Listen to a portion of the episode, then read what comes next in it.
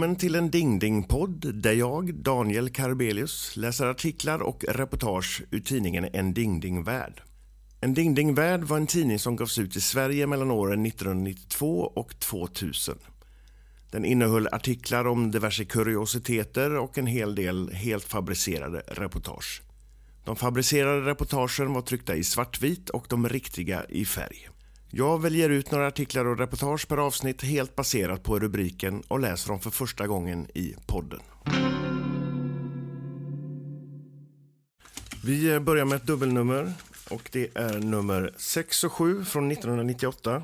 Det kostar 25 kronor när den gavs ut. Det här är en artikel som kanske inte har åldrats så bra. Eh, rubriken är USAs mest fruktade terrorist. Den mest fruktade terroristen i USA är inte en galen bombman. Det är en rund levnadsglad familjefar beväpnad med tårtor. Sedan 1975 har Aron Kay smaskat tårtor i ansiktet på uppblåsta politiker, CIA-agenter och andra makthavare. Han är känd och älskad av alla vanliga människor i USA som har fått ett skratt när Aron har fått in en träff på något offer. Själv tar Aron sin terrorism djupt allvarligt. Han väljer sina offer med samma omsorg som en riktig attentatsman.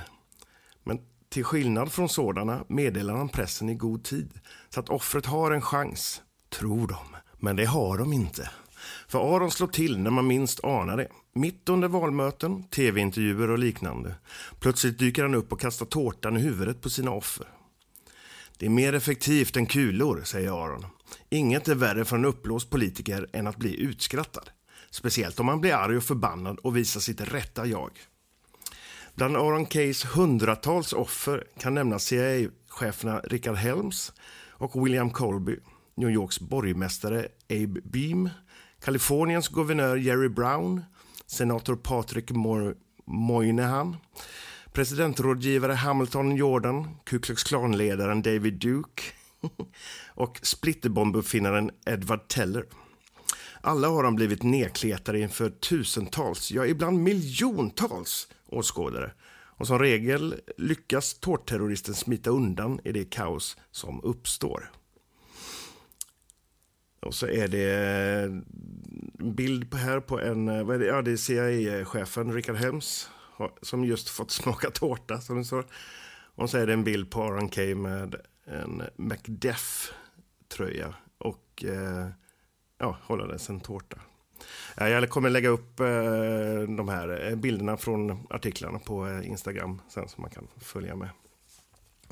Okej, okay, ska vi se vad vi har som nästa då.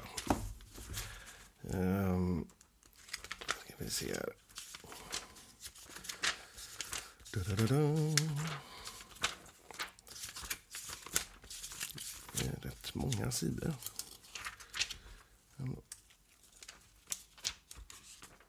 Den här kan vi ta. Kanin eller tupp? Välj själv. Ryssarna har inte varit mycket för det, men nu ska de använda kondom. Gummifabriken utanför Moskva gör helt tokiga kondomer, men de kittlar skönt. Tidigare gjorde Bakovka-fabriken utanför Moskva också grammofonskivor och gasmasker, men det hinner de inte med längre. Nu gör man uteslutande kondomer, 150 miljoner om året. Och de går åt som smör i solsken. Man blir nästan yr vid tanken på hur många hederstunder det blir, säger produktionschefen Antonia Marivjeva. Det har varit ett svårt jobb att få ryssarna att använda kondom. Av tradition har det varit omöjligt att få männen att skydda sig. Dels tyckte man att det förtog en del av nöjet och dels var kondomerna under Sovjettiden av så dålig kvalitet att det närmast var rysk roulette att använda sig av dem. Så då kunde de lika gärna vara. Resultatet blev att antalet fall av könssjukdomar hos unga var 50 gånger fler än i västvärlden. Men det fick inte ryssarna att sätta på sig gummi. Under de senaste åren har spridningen av aids i Ryssland nästan utvecklat sig till en epidemi som hotat att ge över en miljon hivsmittade år 2000. En jättekampanj med roliga och färgstarka kondomer har äntligen fått de unga ryssarna att ändra vanor. Nu sätter de på sig kondomer med form av kaniner eller tuppar. Det ser... Det ser inte klokt ut, men det kittlar skönt, säger tjejerna.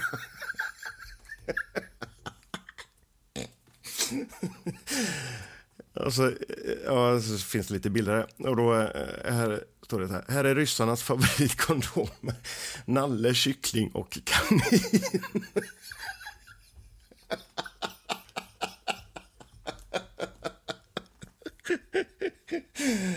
ja, ja, herregud. Vi kör vidare. Så döper saptistprästen sin församling.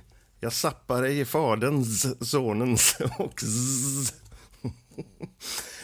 När pastor Esra Barnable från The Electrifying Church of the New Light döper medlemmarna i sin församling sker det med en stöt från startkablar kopplade till ett bilbatteri.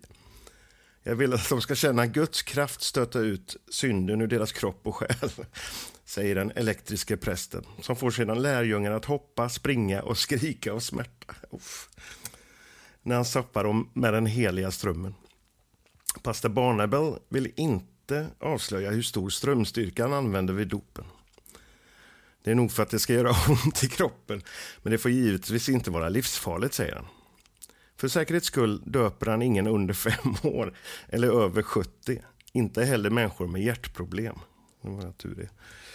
En av församlingsmedlemmarna, Horace Wilburn, har precis blivit sappad och berättar.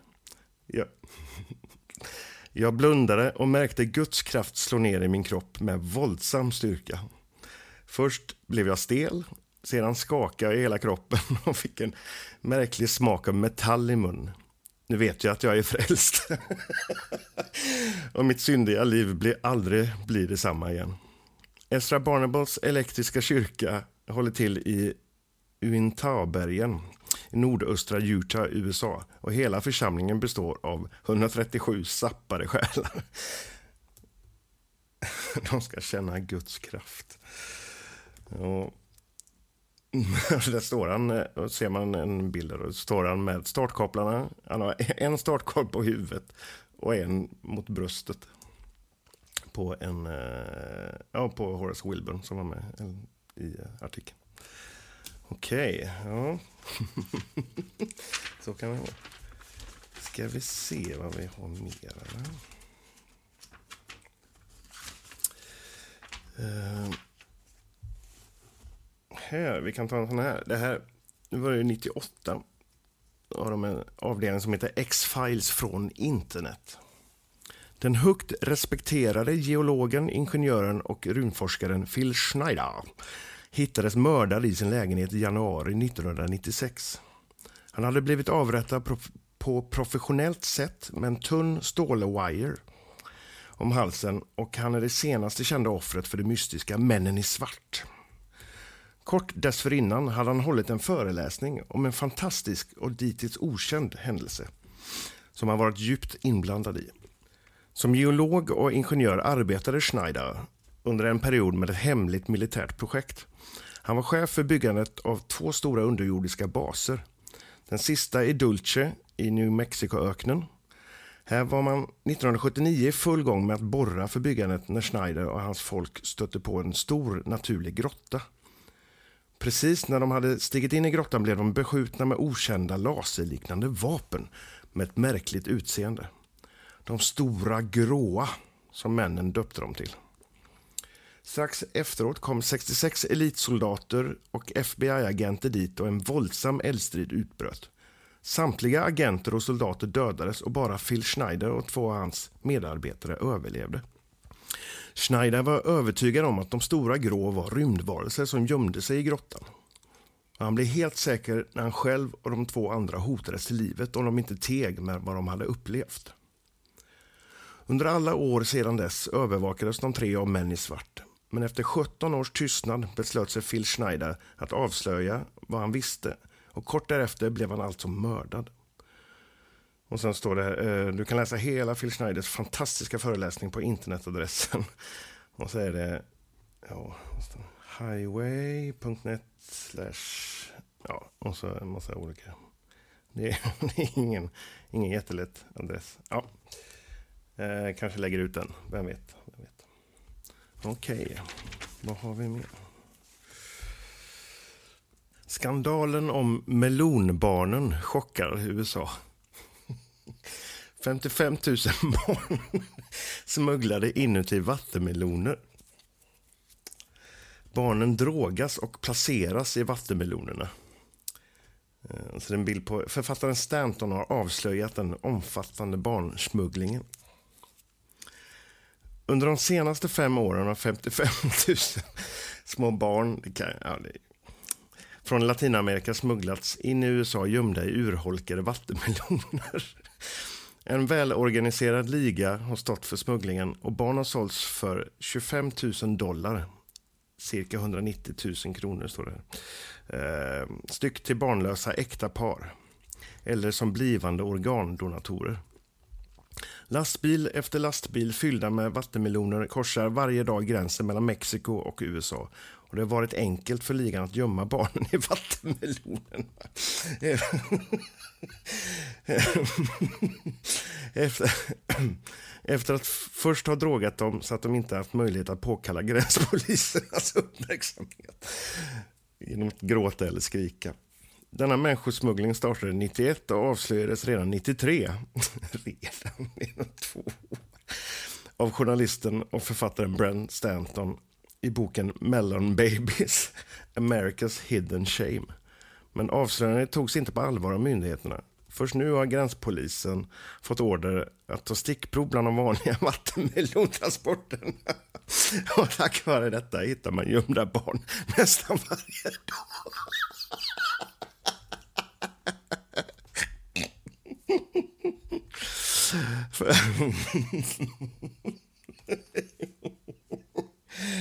För varje barn man hittar är det minst tio som slipper igenom, säger Brent Stanton. Visst är det förståeligt att barnlösa äkta par kringgår byråkratin och köper ett barn som ofta får en bättre uppväxt och större möjligheter i livet än vad som annars skulle vara fallet.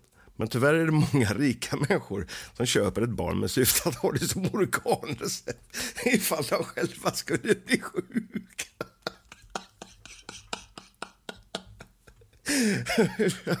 Helt sjukt. Ja. Ja, sanningshalten i den eh, kanske inte är jättehög. Vi bläddrar vidare här. Vi se.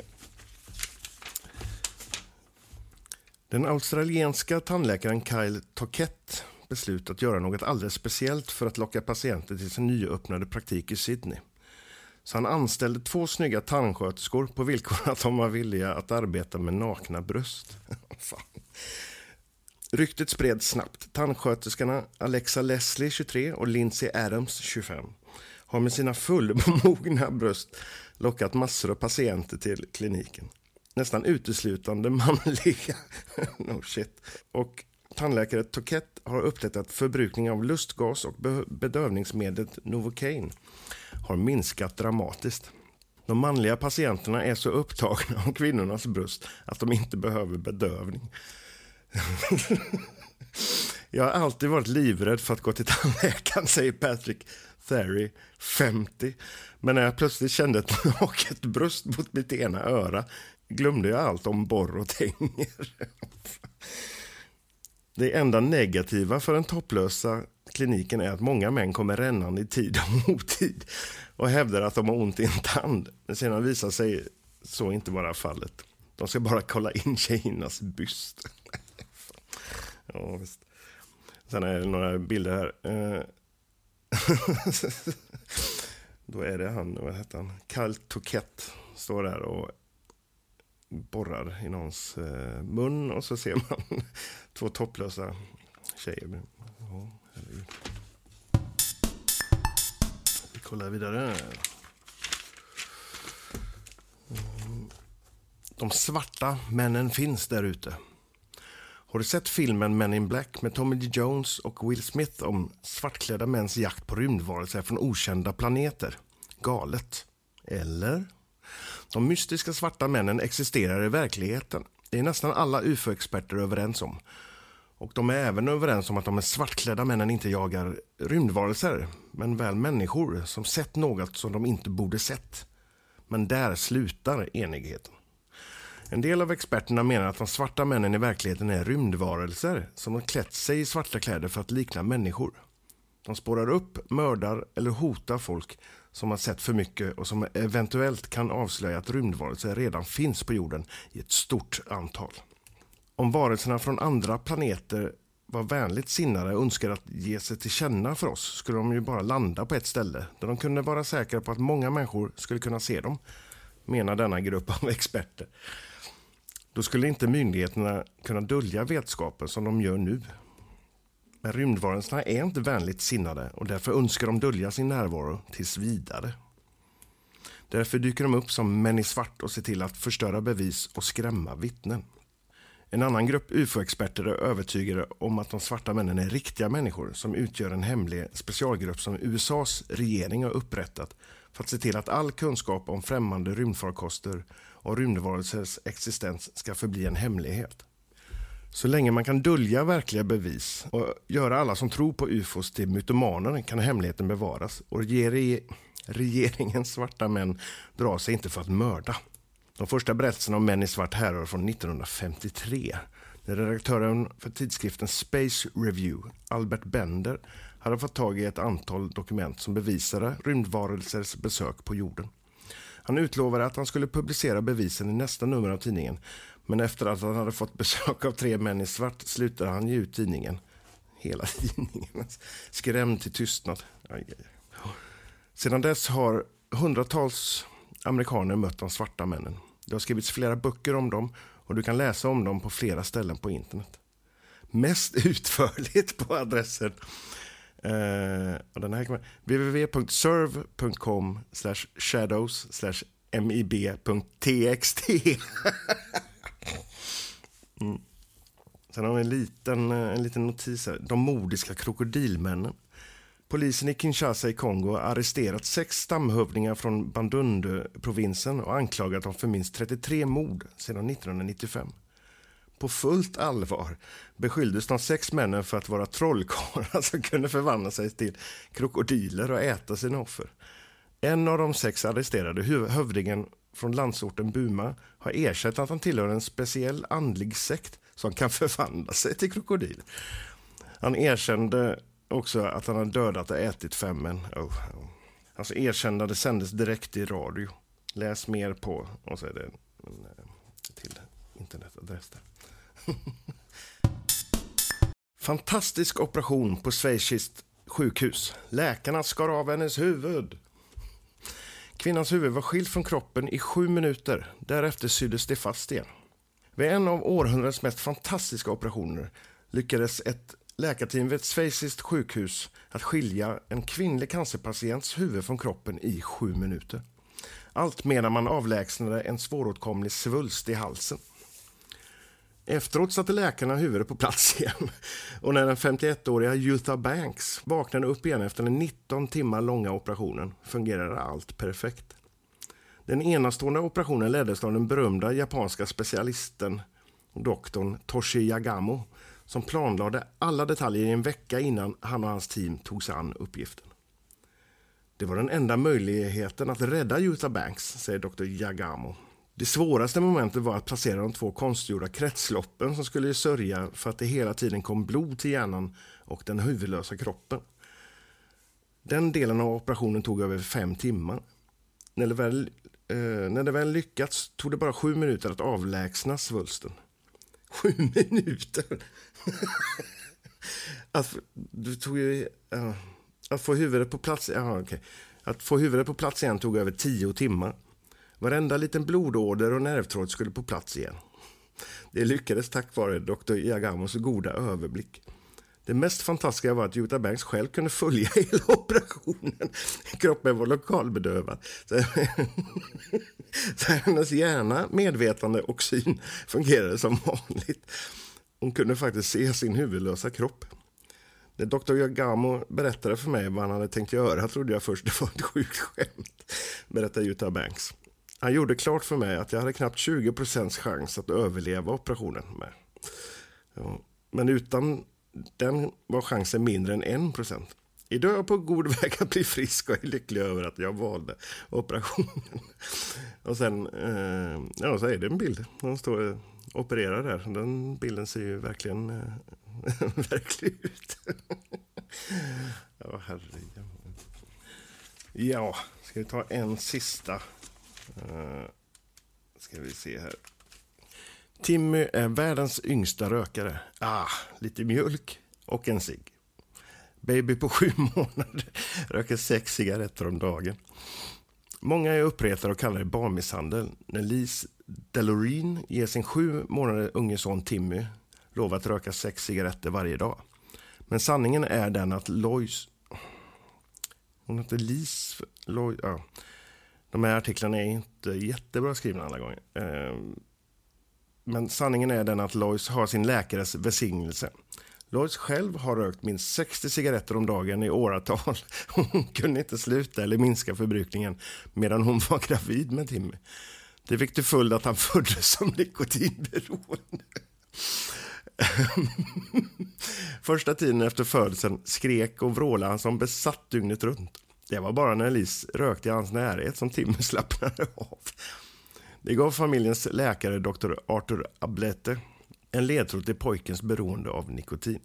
Och han uppmanade Lois att låta eh, babyn röka några cigaretter varje dag. Givetvis bara när hon satt bredvid honom. Så att han inte skulle tappa cigaretten eller bränna sig. Nej, det var ju tur det. Cigaretterna har stoppat eh, Timmys skrikande. Nu har han fått sitt nikotin, han är lugn och mår bra. Barnavårdsmyndigheten har försökt ingripa och hota med att ta hand om pojken. Men Dr. Ablete har för myndigheten förklarat att Timmy är född med en cellförändring orsakad av moderns rökning och att han därför inte kan avvänjas från sitt nikotinbehov. och så är det, ja, det är en bebis där med en cigg i mun. Det fint. ja. Tack för att du har lyssnat på det här första avsnittet av en Ding Ding-podd. Vi eh, hörs nästa gång. Ha det bra. Hej!